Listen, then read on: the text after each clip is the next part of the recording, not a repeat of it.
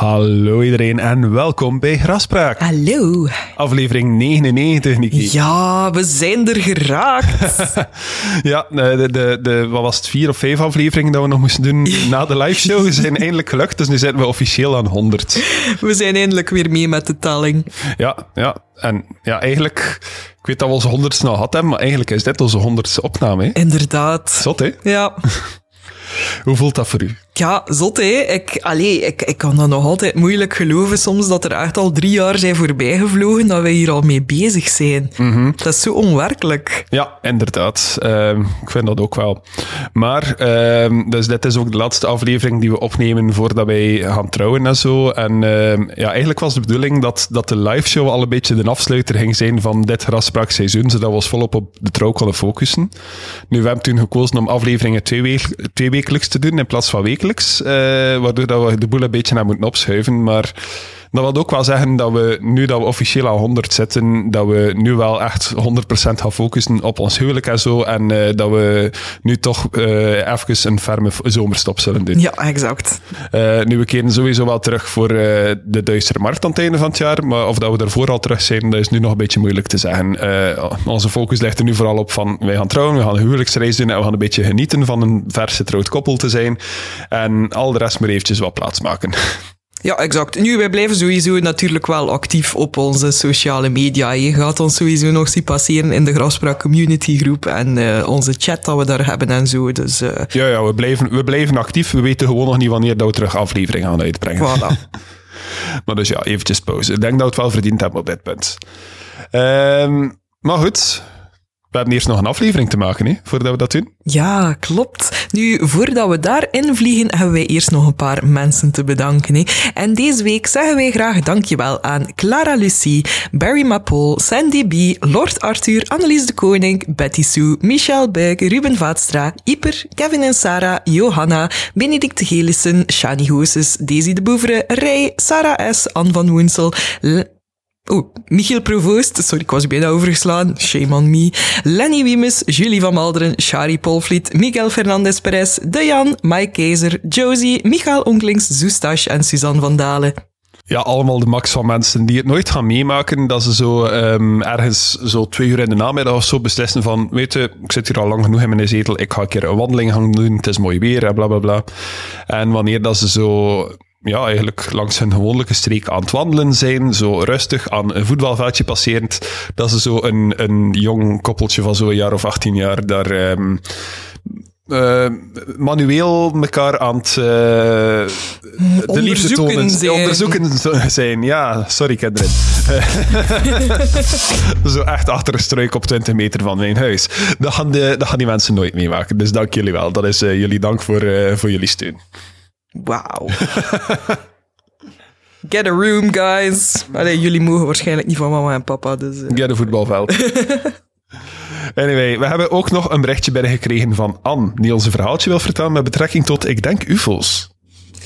Dag Nikki en Jens. Mijn naam is Anne en ik wou toch graag ook even mijn verhaal delen. Maar voordat ik dit doe, wil ik jullie proficiat wensen met jullie podcast. Want eerlijk gezegd is dit al de vierde of de vijfde poging om een berichtje in te spreken. En dat lukt toch niet zo vlot als ik dacht dat het zou gaan. Ehm, dus ik heb deze eh, week eigenlijk een beetje te laat, veel te laat, maar toch de aflevering beluisterd van eh, de Belgische UFO-zaken. En die Belgische UFO-zaak, die herinner ik mij eigenlijk zelf nog heel erg goed. Ik ben dus duidelijk een van jullie oudste luisteraars. Ik was zelf in de jaren negentig nog student en ehm, er was heel veel commotie rond die Belgische UFO-cases. en eigenlijk moet ik zeggen dat ik zelf ook iets heel vreemds heb meegemaakt. Ik stond als student toen eh, te wachten op de bus in een Vlaams boerengat. Niet in een boerengat in Wallonië, zoals jullie het zo mooi uitleggen, maar in een Vlaams boerengat in eh, Maldegem stond ik te wachten op de bus. En het was donker. En toen zag ik plots drie lichten in de vorm van een driehoek verschijnen.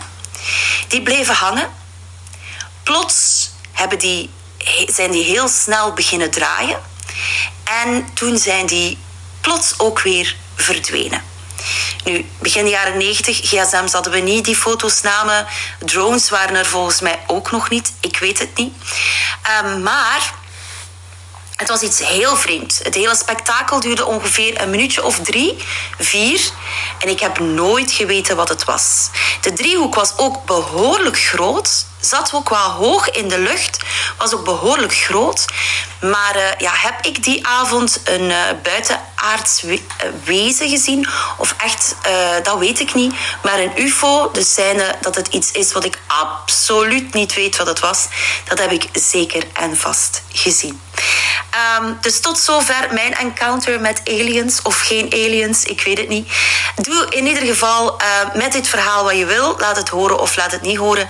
Maar er is dus tussen jouw luisteraars wel iemand die de Belgische UFO-case uh, eigenlijk een beetje van dichtbij heeft meegemaakt. Bye bye.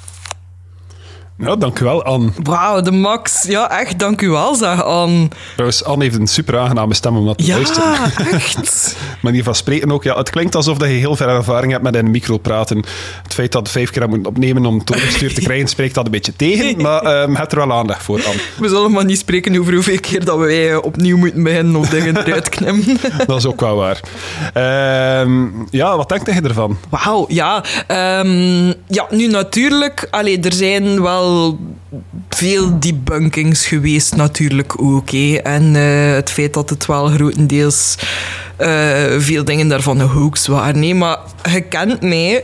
Je weet dat ik altijd ook zeg van I want to believe. Mm -hmm. Dus ja, moesten wij inderdaad een keer... Uh, ik had dus zo goed voor gewoon in het midden van de nacht in Maldegem te gaan rondlopen. het is hier niet ver van. Nee, um, ik bedoel, het kan gerust. Hè. Het is gelijk dat Anne zegt... Um, ja, drones en zo, dat waren zo niet echt dingen dat, dat in, in die tijd al echt bestonden of zo. Hè? Nee, maar in Maldegem zitten wel aan de bron om bron met lichtjes te kopen. Want de Euroshop is daar. Oké, okay, het is een Eeklo, maar ik wil maar zeggen... Iedereen kende wel zo iemand die, uh, die zo met lichtjes onder zijn brommer of zijn auto reed, die aan Euroshop tuning gedaan had. Dus die Euroshop tuning kon je misschien perfect ook met een vlieger of zo doen. Ik dacht dat je hier zoiets super legit ging zeggen, als in van, uh, ja, dat is niet ver van de legerbasis of het een of het ander. Nee, de Euroshop. Ah ja, de Wings and Wheels legerbasis is er ook niet ver van, denk ik. Dat is uh, Ursel? Ursel, ja. ja, ja, inderdaad. Ursel. Dat, dat is zo, ja, vertelt dat tegen een Limburg, ik ga naar Ursel, en, en dat klinkt alsof dat je een naam aan het verzinnen bent, volgens mij. Dat is gewoon een West-Vlaamse klank. Ursel. dat, dat is als je zo wat in je keel laat ja. zetten. Zo. Dat is zo uh, hoesten als een 45-jarige vader. Ursel. Sorry aan de mensen van Ursel. anyway, dank u wel, Anne. Uh, ja, dat, hey, dat, is, dat is juist in die periode een beetje hetzelfde beeld als de zaken die mensen beweren gezien te hebben tijdens de UFO-golf. Ja, en dat moet ook, allee, als je echt in die tijd uh, leefde, dat moet echt wel bizar geweest zijn. Hè? Um, allee, gewoon zo dat, dat dag op dag echt in real time meemaken en niet weten van, voor hetzelfde geld komt er hier binnen vijf dagen een echte alien invasion in Maldegem of all places. Allee, ja. Is er geen belet?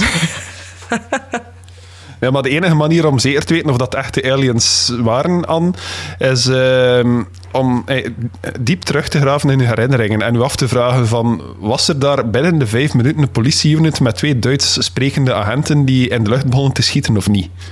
Want dat is de enige manier om het legit te maken, mm -hmm. volgens mij. Is gewoon een afsluiter van uh, onze 100 afleveringen om Heinrich en Hubert er nog een keer bij te halen. Yes. Never forget. Nu nog een Joost Hunter bovenal, nou we zijn er helemaal. Uh, goed, gaan we erin vliegen voor vandaag? We gaan erin vliegen. Oké, okay, ik kan even uw scherm uitzetten. Oké. Okay. We gaan uh, vandaag dus een case bekijken die niet zozeer een haunting of zo is, maar het is wel een case met een redelijk uniek karakter in de, in de thematiek dat wij toch al hebben aangehaald. Het sluit een beetje aan met iets dat je al een keer gebracht hebt, maar niet 100%. Nog vreemder dan al die vreemde shit dat we al besproken hebben. Ja, ik zou het toch een van de vreemdere durven noemen. Oeh. Uh, ons verhaal begint bij John Pollock. Uh, John, dat was een man die uh, in 1920 geboren werd in Bristol. En die zou trouwen met, met Florence. Die dan later Florence Pollock zou heten, uiteraard. Beiden waren ze katholiek, maar John die geloofde in iets dat het katholieke geloof eigenlijk niet standaard geloofde. Gay marriage, Dat weet equal ik niet. rights, Dat weet ik niet. vrouwen aan de macht, Dat zeker niet. Nee, eh, het ging over reïncarnatie. abortus. Nee.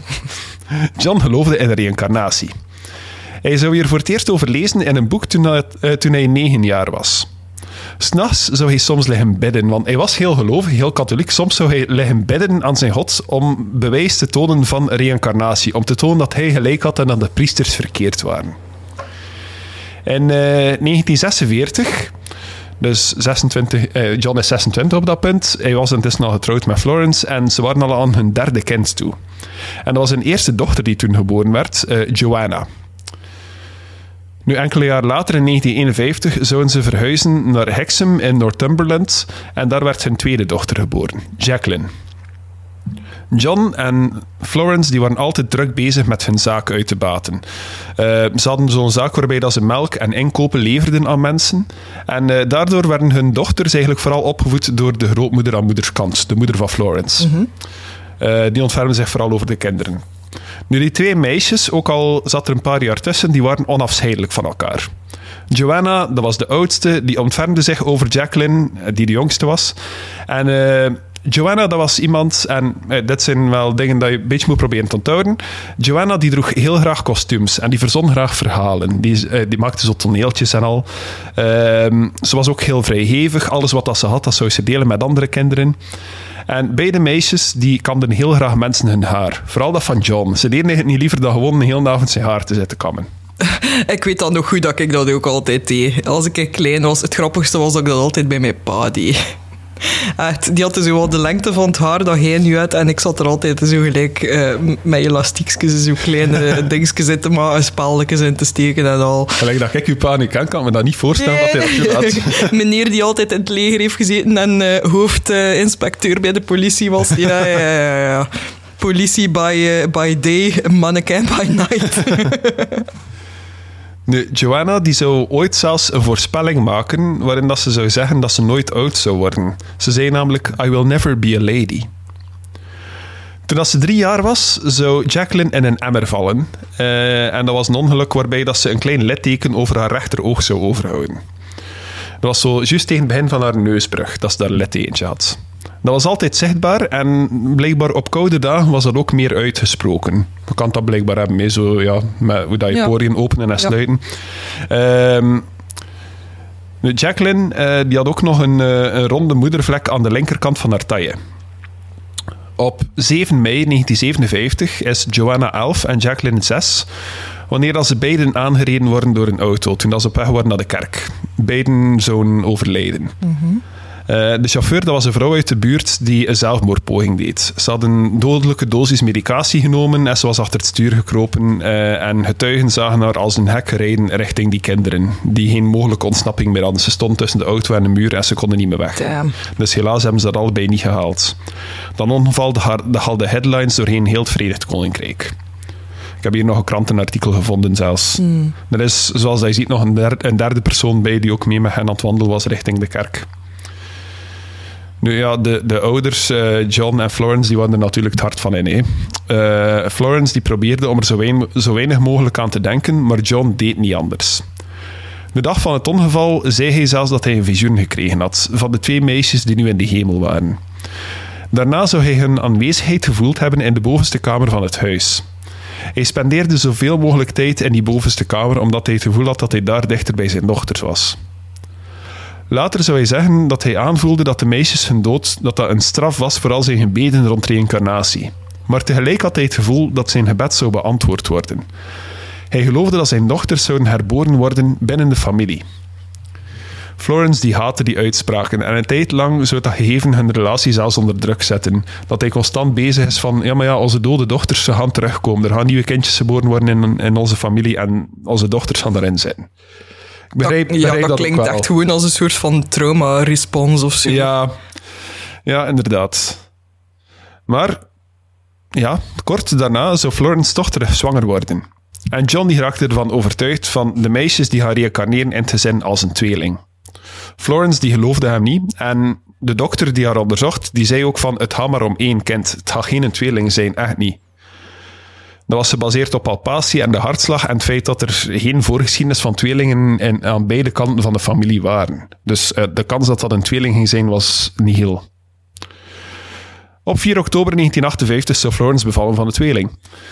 Uh, of course. Ja. Ze werden uh, Gillian en Jennifer genoemd. Jennifer die had een moedervlek die leek op het litteken van Jacqueline. Um, zo net aan het begin van haar neusbrug, aan het oog, als een moedervlek. Als ook datzelfde litteken op de zij. Dat zij ook. Op diezelfde Mhm. plaats. Well, ik heb dat ook. Ben ik dan ook een recarnatie? Recarnatie. Uh, ik ga er straks eigenlijk verder op terugkomen, maar er is wel een reïncarnatietheorie. Die stelt dat zo buitengewone moedervlekken, zo grotere moedervlekken en zo, dat dat eigenlijk een spoor is van hoe dat in een vorig, leven, in een vorig leven gestorven bent. Ik heb er ook een op mijn zij, wat dat eigenlijk echt wel de groot is voor daar met, met een zwaard of zo gestoken geweest te zijn. Uh, intussen is dat helemaal wit geworden, die plek. Ik weet niet waarom, maar vroeger was dat altijd donkerbruin. Uh, maar als die reïncarnatietheorie klopt, dan ben ik daar waarschijnlijk ergens opgevallen. Of ergens is er nu een dokter in paniek aan het schieten dat je dat gezegd hebt. Dat die vlek verkleurd is. Ik ben ermee naar mijn dokter geweest. Hij zegt, als het bleker wordt, is het niet erg. Het is maar het donkerder wordt dat je zorgen moet maken. Dus ik ga ervan uit dat het oké okay is. Uh, maar dus... Um, Jennifer had dus diezelfde... Uh, datzelfde litteken en diezelfde moedervlek. Trouwens, uh, om, om jezelf een, een ezelsbruggetje te geven, aangezien dat we hier over verschillende namen spreken. Mm -hmm. Jacqueline en Jennifer... Zo, eh, ik ga het anders zeggen. Jennifer zou de reïncarnatie zijn van Jacqueline. Ze mm -hmm. hebben allebei de langste naam. Mm -hmm. En uh, Gillian en... Uh, ik ben even de eerste naam weer kwijt. Joanna. Ja, Gillian en Joanna zijn ook de, zouden dan ook mekaars okay. reïncarnatie zijn. Ja. Dus kortste naam en lange naam. Ik ga dat voor letterlijk een uur kunnen onthouden. Ja, en daarachter is dat blablabla. That's all it takes. Toen ze drie waren, haalden de ouders het speelgoed van de overleden zusjes boven. Die hadden al deze tijd in dozen op zolder gestaan. Gillian die was meteen vertrokken met Joanna haar speelgoed en Jennifer koos voor dat van Jacqueline. Ze hebben zelfs nooit moeten discussiëren over wat dat voor wie ging zijn of zo. Ze wisten direct wat dat ze wouden. En beiden zeiden ook van, ah ja, en dat was een cadeautje van de kerstman. Dat was een cadeau van de kerstman, maar voor Joanna en Jacqueline. Uh, ja. Dus zij konden dat eigenlijk niet weten dat dat een kerstcadeautje was, maar onmiddellijk linkten ze dat wel aan de kerstman die dat effectief aan hun overleden zusjes had gegeven. Of dat is iets dat kinderen gewoon standaard zeggen. Ja, maar het wordt wel nog vreemder. Gillian die zag ook een, een wringer voor speelgoedkleren. Zo een, een pers om kleren te drogen, denk ik dat dat is. Um, en ze leek dan meteen te, kern, te kennen. There is my toy ringer, zei ze. Ook daarvan zei ze dat het een cadeau van de kerstman was, wat dat ook klopte. De meisjes hadden dat speelgoed meteen verdeeld zonder enige discussie. Regelmatig zouden, uh, zou Florence, de, die niet in reïncarnatie geloofde, die het, het totaal niet achter stond, uh, regelmatig zou Florence die meisjes in detail horen spreken over het ongeval dat hun overleden zusjes hadden meegemaakt. Terwijl, Oeh, okay. terwijl dat de ouders dat eigenlijk nog nooit hadden verteld hadden. Er was, ze waren drie jaar. Op een dag kwam ze binnen toen dat Gillian het hoofd van Jennifer aan het vasthouden was en dat ze zei, vertaald wat Nederlands, het bloed komt uit je ogen, daar heeft de auto je geraakt. John zou later zeggen dat toen hij lichamen ging gaan identificeren na het ongeval, dat Jacqueline haar hoofd helemaal ingezwachteld was. Gillian zou op een dag ook wijzen naar de moedervlek van Jennifer en zeggen dat is waar dat Jennifer gewond werd toen dat ze in die emmer viel. Oh my god. Ja. Ik heb hier ook een foto van de meisjes, wel een beetje op latere leeftijd. En ja, ik moet zeggen, het is niet super duidelijk te zien, maar als je goed kijkt van dichtbij, zie je dat littekentje wel een beetje boven, uh, uh, boven Gillian haar hoofd. Uh, Jack... Zie, ik sta zelf in de war. Jennifer haar hoofd. Nu, Florence die droeg altijd een specifieke blouse wanneer dat ze John aan het helpen was in de zaak. Maar ze is gestopt met in die zaak te werken nadat, uh, na, de uh, na de dood van haar eerste twee dochters. En uh, die blouse werd dan opgeborgen. Wanneer dat de tweeling ongeveer vier, vier jaar en half was, had John die blouse op een dag aangedaan om iets te schilderen. En Jennifer die ging naar hem en die zegt: Papa, waarom draag je mama's kleren? Hm. Um, en Gillian reageerde erop dat ze dat niet herkende. En blijkbaar moet Jennifer er nogal nooit op gereageerd hebben van... Allee, maar herkennen jij dat nu niet? En dat is toch dat? En John vroeg ook aan, aan haar hoe dat ze wist dat dat een kledingstuk van Florence was. Waarop dat Jennifer moet gezegd hebben van mama droeg dat altijd wanneer dat ze de melk aan het leveren was. Oh my god. Wat dat Jennifer dus nooit heeft meegemaakt, hè. Oké, wacht, even gewoon om context te hebben. Zo, al, alles dat je nu aan het beschrijven bent van claims dat die kinderen aan het maken waren... Ja, dat komt van de heeft- ouders, hè. Ja, ja, wel, ik vroeg mij al af wie dat de bron was dat dat, dat allemaal... zout moet je er natuurlijk Ja. wel bij nemen. Eh, ja, John vertelt daar heel veel over, maar John is ook de persoon die zelf overtuigd was dat reïncarnatie waarheid Ja, was. Hè. ja. Nu, toen, dat de, toen dat de tweeling negen maand oud was, eh, zouden de Pollocks wegverhuizen van Hexham. En toen dat ze vier jaar oud waren, bezochten ze dat dorp voor het eerst. Zijn ze er nog een keer naartoe gegaan. Eh, en heel verwonderlijk, maar die kinderen leken de weg te kennen in dat dorp. Wat ze eigenlijk nooit geweest waren na hun negen maanden. Ze wandelden naar een park, maar dat park was nog niet in zicht. Maar de tweeling zei al op dat punt van... Kijk, we moeten die straat hier nemen met dat we naar het park gaan, naar het speelplein. Ehm, ook op een dag eh, waren de meisjes blijkbaar aan het klagen over het middageten dat ze gekregen hadden. En Joanna zei van, ja, als, als het eten hier niet aanstaat, je kan ook in school eten in het vervolg. hè. En daarop zijn de meisjes van, ah ja, maar we hebben dat al in het verleden gedaan. Wat dat niet klopt, hè, maar hun zussen hadden dat wel al gedaan. Ik heb hier nog een video gevonden van John, die zelf het verhaal een beetje vertelt, dus ik ga hem ook even aan het woord laten. Oké, Nicky, wat heb je net gezien in die video? Wauw, oké. ehm, wel, ja, eigenlijk ook al grotendeels de dingen die je gezegd had. Hè. Eh, de poppen dat terugkeren, de moedervlekken die terugkeren, ook dat ze het park herkend hebben. Ik denk dat ik dan nog niet ge- gezegd had van die poppen eigenlijk, dat ze, dat ze hun poppen ook dezelfde naam geven dan als dat hun overleden zusjes voor die poppen gekozen Exact, hadden. eh, Mary en Susan. Ja, Ja. allee, doet er niet toe. Maar dat is inderdaad een van de dingen dat mij nu is bijgebleven eh, in dit stuk. En het moet wel gezegd worden, op het einde, eh, ik weet niet hoe dat ik mij daarbij voel, dat ze zo zeggen van ja, de, de twee graven van de overleden meisjes, dat die eigenlijk geen sentimenten meer opwekken bij de Ja. ouders. Omdat ze zodanig ervan overtuigd zijn dat ze gewoon voortleven in die twee andere meisjes. En ik vind dat eigenlijk ergens sad, want allee, die twee meisjes nu, Gillian en Jennifer, die willen natuurlijk ook gewoon hun eigen leven beginnen leiden. Hoe ouder dat ze worden, hun eigen persoonlijkheid ontwikkelen. En als je dan zo twee ouders hebt die gewoon ervan overtuigd zijn dat je gewoon iemand anders bent, allee ja... Ja, ja, begrijp het wel hoor. Maar natuurlijk, eh, zo alles van begrafenisritueel en grafsteen of een plakkaatje of whatever dat is, dat is er niet meer voor de persoon die gestorven is, dat is er voor de, overleden, eh, voor de overlevenden. Ja, En als de overlevenden er zodanig van overtuigd zijn van die reïncarnatie, dat, ze, dat er in hun ogen eigenlijk geen reden meer is om te rouwen, want die personen zijn er nog, ze zitten gewoon in een ander lichaam. Dan, ja, dan snap ik dat, dat ze niet meer, eh, dat ze zeggen van ik ga niet meer naar het kerkhof gaan. Eh, maar ik snap inderdaad wel, als ze dat als buitenstander hoort, dat dat moeilijk te relativeren is. Maar allee, ik hoop gewoon dat, dat nu Gillian en Jennifer dat die een beetje een, een deftige jeugd hebben gehad, om het zo te zeggen. Wel, ik zal al zeggen ja. Ehm, ik ga daar zometeen op terugkomen. Maar dus ja, volgens John gebeurde dat regelmatig dat de meisjes over het ongeval vertelden in de verleden tijd, alsof dat een herinnering was die ze hadden. En het was niet enkel de uitspraken die ze deden, maar ook hun gedrag deed heel vaak denken aan hun overleden zussen. Ze waren heel close en eh, Gillian leek de moederrol op te nemen over Jennifer. Een rol die Jennifer aanvaarde, net zoals dat bij Jacqueline en Joanna eigenlijk het geval was. Joanna nam er ook de moederrol over Jacqueline op.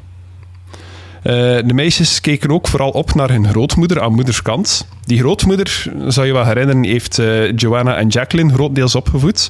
Maar in het geval van de tweeling was, eh, was Florence al niet meer aan het werken. Dus heeft Florence zelf voor die tweeling gezorgd. Was dat niet meer voor de oma. Maar toch bleven die ook naar de oma toe gaan. Eh, leek dat like, een grote voorbeeld te zijn. De tweeling had ook een voorliefde voor mensen hun haar kammen. Vooral dat van John. Gillian die was meer sociaal en vrijhevig en toonde heel veel interesse in kostuums en acteren. Net zoals Joanna. En ze leek ook de meer volwassene van de twee. Daarbovenop had de tweeling ook een heel grote angst van auto's. Als ze een straat moesten oversteken, waren ze bang, hielden ze elkaars hand vast. Als ze een auto hoorden starten, krompen ze in één en soms zouden ze zelfs dingen roepen als die auto komt op ons af, alsof dat ze een trauma aan het herbeleven waren. Jacqueline die had altijd moeite bij het leren schrijven, omdat ze haar pen rechtop in haar vuist hield. Iets wat dat Jennifer ook deed. En ik moet zeggen, ik deed dat ook als kind. Dus ik ben misschien ook een reïncarnatie van Ender. Ik heb een moedervlek op mijn zij, oké? Eh, maar ja, dus ze, had zo diezelfde manier van fout schrijven als dat, de, als dat haar overleden zus had. Ehm, Joanna die was heel slank gebouwd, net als Gillian. En Jennifer was een beetje meer gezet, net als Jacqueline. Ook hadden de overleden meisjes een verschillende manier van stappen, wat dat bij de tweeling ook het geval was. Zo een herkenbare pas dat, dat, bij die, ja, dat die twee meisjes onderscheiden van elkaar, dat was bij de tweeling ook exact zo aanwezig. Jennifer's moedervlek op haar zij, op dezelfde plek als die van Jacqueline, was bij haar geboorte dieper en kwam, neer naar, eh, kwam meer naar boven op koude dagen, net als bij Jacqueline. Er was een uh, psychiater die heel veel onderzoek deed naar uh, reïncarnatie, een man genaamd Ian Stevenson. En die hoorde via de kranten over het voorval in Hexham en die besloot om het zelf te gaan onderzoeken. Ik heb het gevoel dat ik die naam ook al een keer gebruikt heb. Wel, dat is de, de leidende figuur als het over uh, reïncarnatie had. Dus misschien in uw Omsetti-case... Ik denk dat... Keer, wel, ik zat te denken dat het Omsetti was, inderdaad. Ja, anders hebben we nog niet echt de zaak gedaan met reïncarnatie, denk ik. Mm, nee. Nee. Uh, of ja, de jongen van Mars was ja. er ook die soort van. Ja. Ja, zwart. Uh, dus in 1963, toen dat de tweeling vier jaar oud was, zou Ian Stevenson dus voor de eerste keer bij het gezin komen. Hij interviewde iedereen en hij onderzocht de meisjes. In 1967 zou je het gezin opnieuw ontmoeten en hij zou in contact met hem blijven tot zijn volgende bezoek in 1978. Toen was de tweeling al 20 jaar oud. Hij liet hun bloed onderzoeken en daaruit bleek dat ze een een-eigen tweeling waren. Uh, nu, ik denk dat de meeste mensen dat wel weten, maar dus een een-eigen tweeling wil ook zeggen dat het heel hard op elkaar gaat lijken, want ze zijn letterlijk gewoon ene persoon die in twee gesplitst is, zoals dat al onlangs zo mooi gezegd werd in de film. Uh, maar er waren wel merkbare verschillen tussen, uh, tussen de tweeling. Zo die manier van wandelen die anders was, die moedervlek dat de ene had en de andere niet, dat is heel abnormaal bij een tweeling. Als een tweeling geboren wordt met een moedervlek, correct me if I'm wrong, maar dan hebben ze normaal gezien alle twee diezelfde moedervlek. Oh, dat wist ik niet. Ik denk dat toch. Het lijkt, het lijkt, me maar logisch, gewoon omdat je letterlijk gewoon het, ja, hetzelfde ei bent dat in twee splitst. Ja, ik weet niet, ik heb moedervlekken altijd al zoiets raar gevonden. Ik weet niet hoe dat je lichaam beslist op welke plek dat er in één keer een bruin puntje komt. Ja, nu als er mensen zijn met tweelingen in de familie die zeggen van dat klopt totaal niet, je kunt andere moedervlekken hebben met zo, uh, stuur dat ons gerust door. Uh, ik ben er ook maar een beetje aan het hesten, maar ik dacht toch dat, dat je eigenlijk lichamelijk vrijwel identiek bent. Tot dat levensstijl er verschillen bent te maken, maar... Um, maar ja, dus ze waren wel een een-eigen tweeling. Dus dat maakte dat nog moeilijker om die moedervlek te verklaren. Uh, een theorie die Stevenson wel overweegt, is dat de kinderen beïnvloed werden in hun gedrag door hun ouders. Als in de uitspraken, dat is de zo dat ze dat een beetje leerden van hun ouders, maar hij vindt dat heel onwaarschijnlijk dat gedrag in zoveel details zou overeenstemmen met de overleden zussen die ze nooit ontmoet hebben. Kinderen, dat zijn sponsen, die nemen heel veel op. Maar ze hebben nog altijd een eigen aandeel, een eigen persoonlijkheid. Dus als ze zelfs anders zouden beginnen stappen en zo, vanwege wat hun ouders zeggen, dat, dat lijkt hem wel heel sterk. Florence Pollock die zou sterven in 1979. Stevenson die zou in contact blijven met John en zijn nieuwe vrouw en ook met Gillian. John die zou sterven in 1985. Wanneer dat de meisjes ouder werden, dan vergaten ze zaken over hun vorige leven.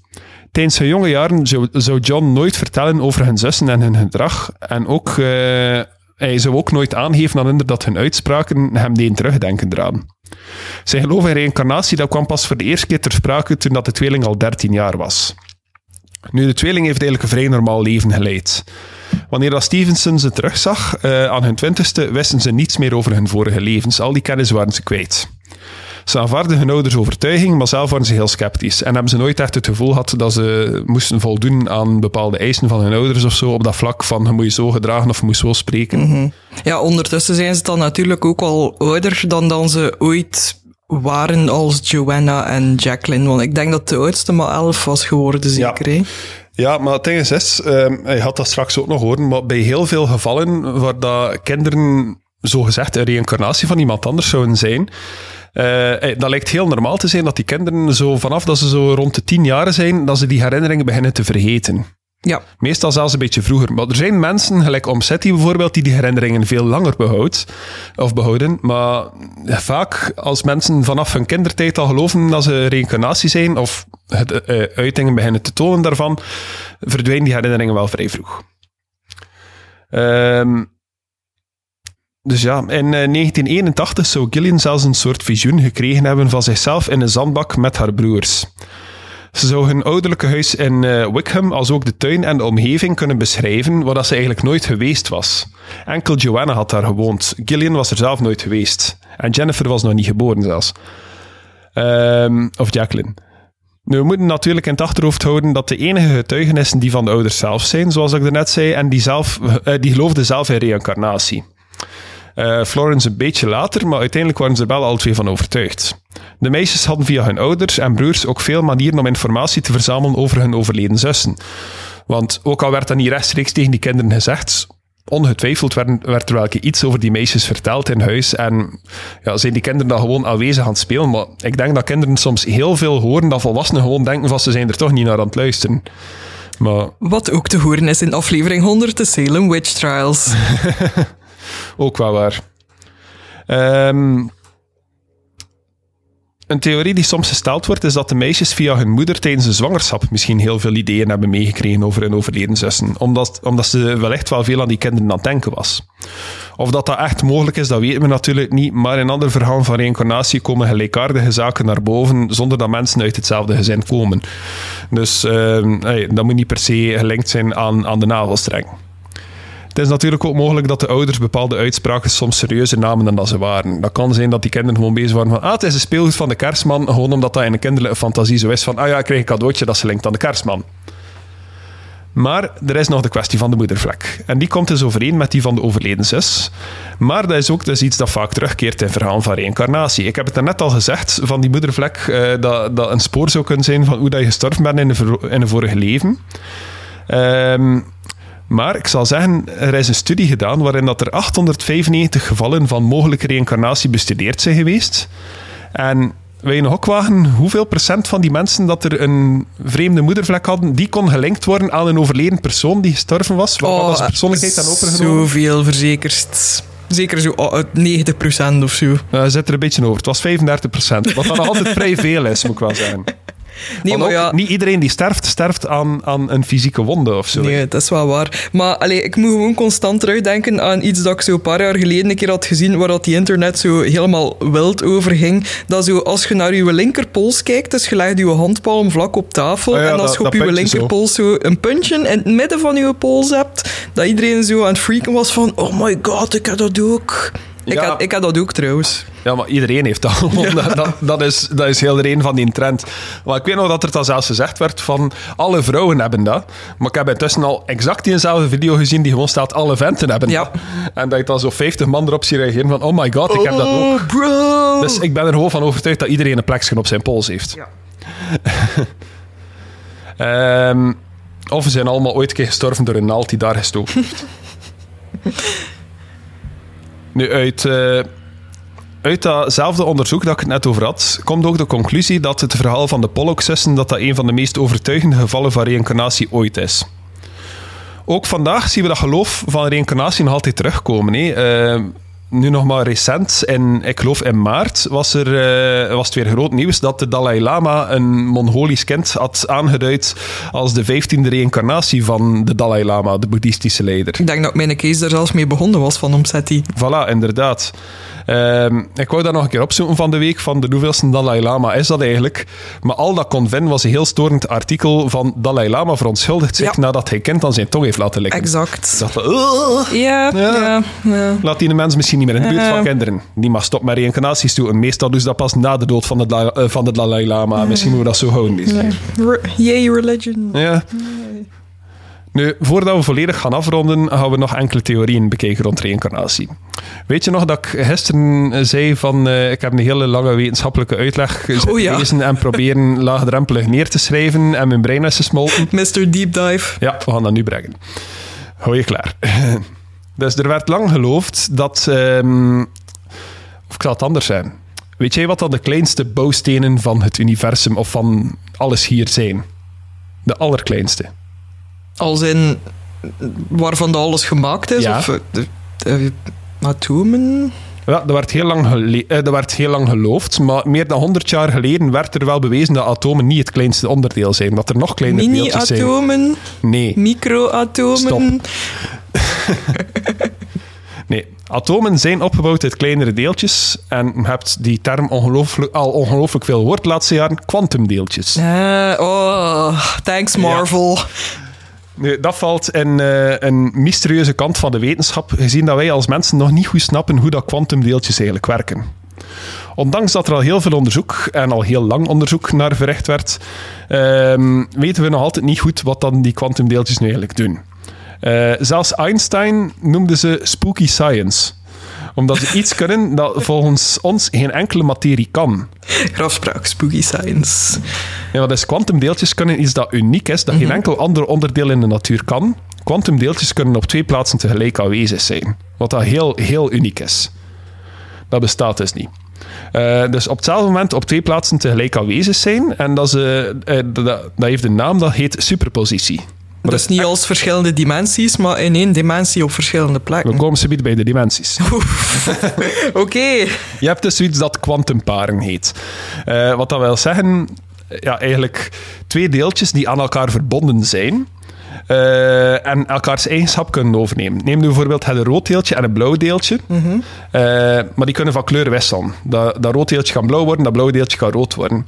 En meest, eh, die twee deeltjes zijn normaal altijd heel dicht op elkaar aangesloten.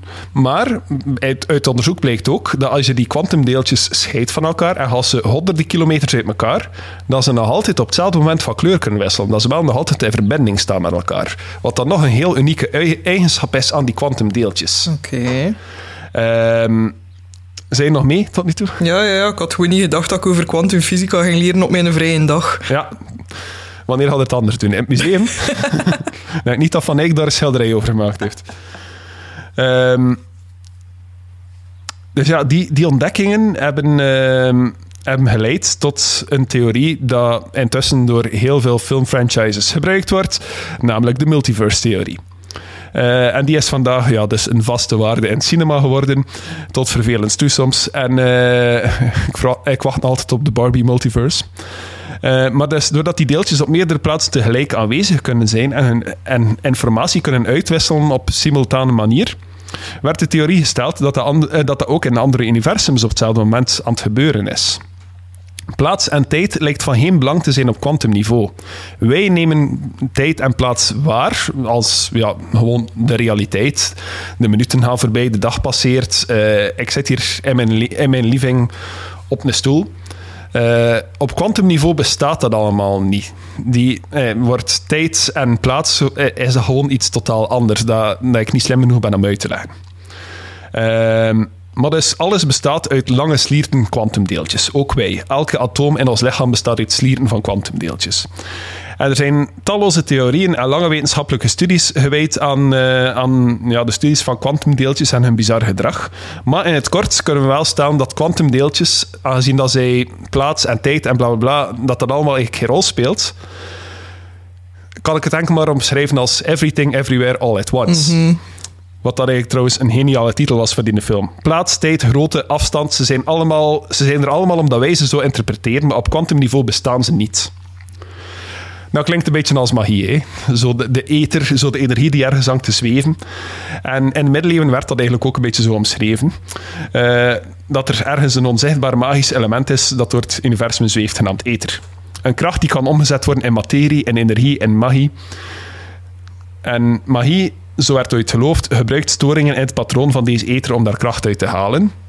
En alles van creatie eigenlijk is ook gewoon eigenlijk een storing in de kwantumenergie die ertoe gezorgd heeft dat er bepaalde materie is beginnen ontstaan en dat er zelfs leven is beginnen ontstaan.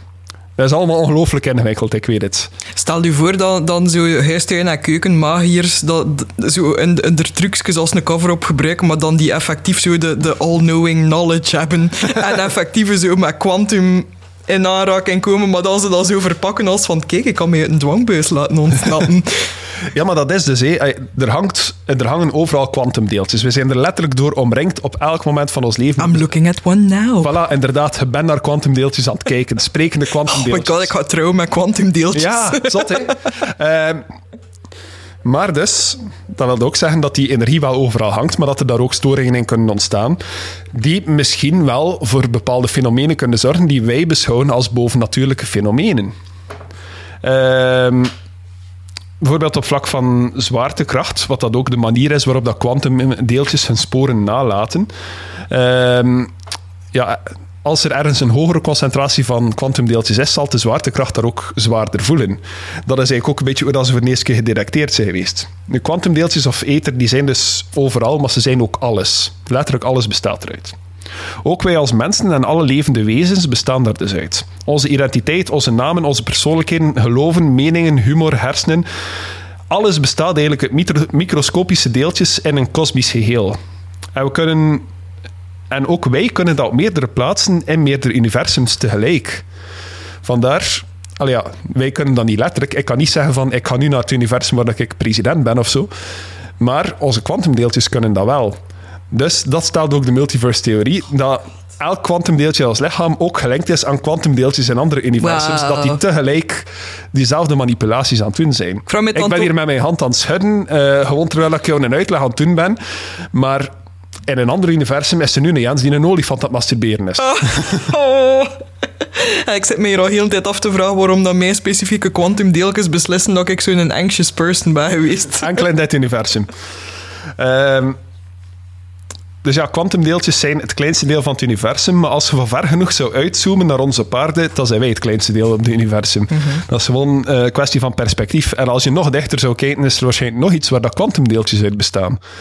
Ehm, nu, als, als je dichter kijkt naar ons, dan zijn wij veel meer dan georganiseerde chaos. En bij kwantumdeeltjes is het een beetje voor jezelf. wij zijn ontstaan uit een chaotische structuur binnen deeltjes die in onze ogen niet zijn. We kunnen ze letterlijk niet zien. Jij en ik zijn op dit moment een samensmelting van allerlei deeltjes die er aanwezig zijn. Van zodra dat wij die deeltjes niet meer nodig hebben, stoppen ze daarom niet met bestaan. Die energie moet ergens naartoe. Onze deeltjes die keren terug lang na onze dood. Net als die van al onze voorgangers die vandaag in ons zitten eigenlijk. Wij gaan het wel echt niet weten, maar we gaan er wel nog altijd zijn. Onze deeltjes die kunnen overgaan naar andere mensen. En we kunnen evengoed een kikker, een regendruppel, een ster of een komeet worden. Oh, ik zou zo graag een kikker zijn. Nu, althans, dat is de theorie uh, die ik binnen mijn beperkte begrip van kwantumwetenschap kan stellen na, na daar artikels over te lezen. Maar er wordt al eeuwen voor de ontdekking van de atoom gesproken over reïncarnatie. Sommigen linken dat aan geloof, anderen naar magie. Uh, mensen bekijken het binnen hun beperkte zichtveld, zoals dat, we zoals dat wij alles, uh, alle informatie interpreteren eigenlijk. Binnen onze eigen kennis, binnen ons eigen intellect, gaan we die informatie bestuderen. En dat is ook een beetje wat ik nu met die hele kwantumtheorie gedaan heb. Of dat je nu gelooft in reïncarnatie of niet, of je denkt, je denkt het te snappen, of je bent geboeid door de wildste theorieën, de realiteit is dat we allemaal slechts maar kunnen hokken op dit moment. Zelfs de meest ervaren wetenschappers erkennen op dit punt dat alles op kwantumniveau nog een guessing game is. En dat dat nog lang zo zal zijn. Of dat je nu gelooft in, letterlijke reïncarnatie, waarbij dat een geest zich verder zet in een ander lichaam, of je gelooft dat onze deeltjes nuttig zijn in een soort van kosmische recyclage, zoals dat wetenschappelijk de meest, eh, de meest reële optie lijkt. Het feit blijft dat we op dit punt in de tijd nog niet genoeg snappen hoe dat, dat soort zaken werken. En bewijzen dat ze waarheid zijn is even moeilijk als bewijzen dat ze niet waar zijn. Ik kan het gewoon niet. Dus reïncarnatie heeft niet per se met de ziel te maken, eh, niet noodzakelijk, maar kan wel iets, eh, het kan perfect zijn dat er gewoon sommige deeltjes van je overgaan. En als er genoeg van die deeltjes in een andere mens terechtkomen, dat die herinneringen eraan overhouden. Dus eigenlijk in principe moest de wetenschap ooit ver genoeg staan om al die kwantumdeeltjes te harnessen, zouden kunnen stellen dat wij eigenlijk het eeuwige leven zouden kunnen hebben op een of andere manier. Dat, dat kan in theorie, ja. Eh, ik weet het niet. Ik ben geen wetenschapper en ik heb hier twee artikels over gelezen. Dus ik kan niet zeggen dat ik genoeg kan hierover. Ah, ik heb Batman uh, en de Quantumverse dinges bullshit gezien. Dat was geen goede film eigenlijk. Uh, maar goed, ja. Ehm, het heeft dus niet per se met de ziel te maken. Ehm, maar eh, het kan ook van wel. Ook dat kunnen we niet echt bewijzen. Nu, als we kijken naar de boeddhisten bijvoorbeeld, die geloven heel hard in reïncarnatie, maar die geloven niet in het bestaan van de ziel. Er was een onderzoeker genaamd Watley Carrington die stelde dat onze hersenen bestaan uit een soort van informatiepakketten. Hij gaf dat de naam psychons. En net als kwantumdeeltjes zouden die na onze dood niet verdwijnen, maar zouden die gewoon ergens anders aan de slag gaan. Ze komen dus terecht bij een ander mens. Dus een ander mens krijgt die informatiepakketten, maar uh, ja, die zijn gewoon nog niet geformateerd geweest. Er zit er nog informatie in, dus dat blijft over. Nu, er zijn verschillende onderzoekers en elk heeft zijn eigen theorie, maar eigenlijk zijn ze er elk maar gewoon naar aan het raden. Hè. Uh, sommigen neigen meer naar het bestaan en doorgeven van de ziel. Anderen opteren voor flardeninformatie of kleine deeltjes die in een vroege jeugd nog kunnen geactiveerd worden. Maar dat zou volgens hen ook een verklaring kunnen zijn voor bepaalde zaken die we allemaal kennen. Bijvoorbeeld déjà vu. Of wonderkinderen die gewoon geboren worden met een hoog IQ moedervlekken, zoals eerder gezegd. Uh, mensen die tijdens de zwangerschap plots vieze hoesten krijgen. Dat hij niet... Uh, je kent dat, hè, dat mensen gewoon zo plots hoesting hebben in rare voedselcombinaties of in dingen die ze anders nooit zouden eten tijdens een zwangerschap. Wel, de reïncarnatietheorie stelt dat dat eigenlijk gewoon de voedingsvoorkeur is van de overleden persoon wiens ziel dan nu bij baby zit. Oké, sure. Ja. Ehm, ook zaken als dromen en kunst worden eigenlijk gelinkt aan, aan herinneringen dat je nog hebt van, van het vorige leven van jouw kwantumdeeltjes. Het zijn uiteraard allemaal theorieën, maar ze zijn wel interessant om over na te denken. Ian Stevenson, die eerder al ter sprake kwam, dat was de eerste persoon die echt een beurs kreeg om het fenomeen van reïncarnatie te onderzoeken. En hij ontwikkelde de methodologie die velen na hem nog zouden volgen. En hij probeerde telkens om in contact te kunnen komen met zowel de familie uh, van de persoon die zich een vorige leven kon herinneren, als de familie van de overledene. Hij probeerde die te linken aan elkaar. Hij zou zo'n 300 cases onderzoeken en samen met collega's zou hij door de jaren heen een database aanleggen waarin dat al hun onderzoek gebundeld werd. Intussen, eh, de laatste, eh, de laatste peiling dat ik gevonden heb was van 2013 geleden. Eh, maar toen hadden ze al meer dan 2500 cases, waarvan dat er maar liefst 1700 waren, waarbij dat ze de reïncarnatie konden linken aan de persoon die overleden was. En dat er effectief, dat was vaak in andere families, maar dat mensen uit die familie van de overledene wel degelijk konden zeggen van die herinnering dat die gereïncarneerde vertelt, die klopt. Mm Terwijl dat, dat mensen waren die elkaar totaal in het verste verte niet kenden, in veel gevallen. Opvallend is dat kinderen op jonge leeftijd uh, vaak zaken lijken te herinneren uit vorige levens, die ergens voor hun tiende levensjaar dus weer verdwijnen.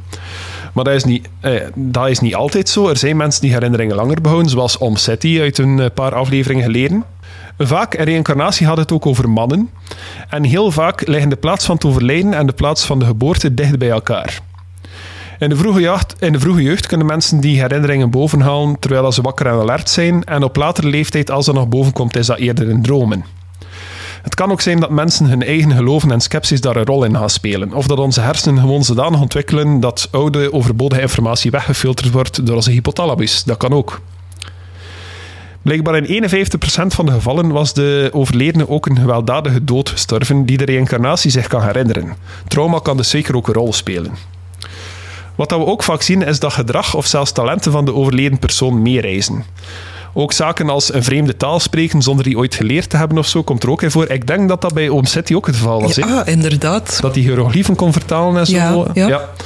ja. Um, dat wordt vaak gezien. In Japan en Oost-Azië um, nemen ze zelfs de proef op de som door bij sommige overleden lichamen dat ze daar markeringen gaan insnijden om dan gemakkelijk de reïncarnatie te kunnen vinden, omdat die ook ergens zo'n litteken of moedervlek zal hebben met die markering. Maar dat is na de dood. Ja.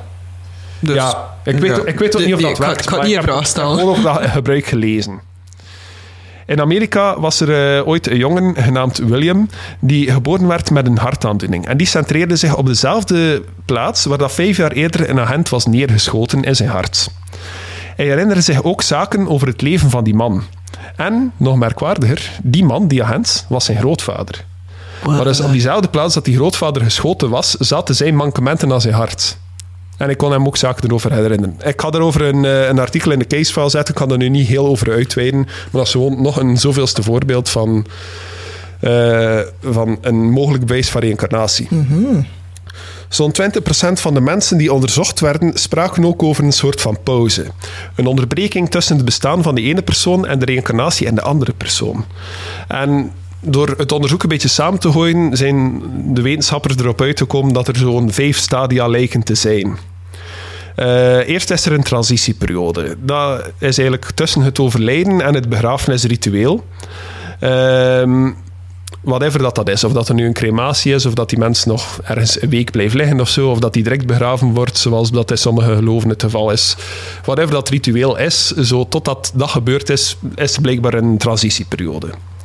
Dan is er even een stabilisatieperiode waarin dat de energie vaak blijft hangen op een plaats. Vaak de plaats van het overlijden of de plaats waar dat die persoon gewoond heeft, kan die energie nog eventjes blijven hangen. Eh, daarna volgt blijkbaar de keuze van de ouders, waarin dat die energie zou kunnen kiezen bij welke ouders dat die terechtkomt. Stadia 4 is dat hij zich uh, nestelt in de baarmoeder en stadia 5 is de geboorte. Ja, dat is wel grappig, want ik weet nog dat we in de aflevering van Omsetti aan het kijken waren van wie dat wij eventueel de, de reïncarnatie zouden kunnen geweest zijn. Hè. Ik weet nog dat het van iemand van... We hebben dat puur gedaan op, onze, op wie dat er gestorven is op onze geboorte. Ah, ja. Maar ik weet nog dat iemand van de luisteraars dan ook zei van ja, maar ja, het zit er nog een pauze tussen ook. Ah, dus, ja, uh, voilà. inderdaad.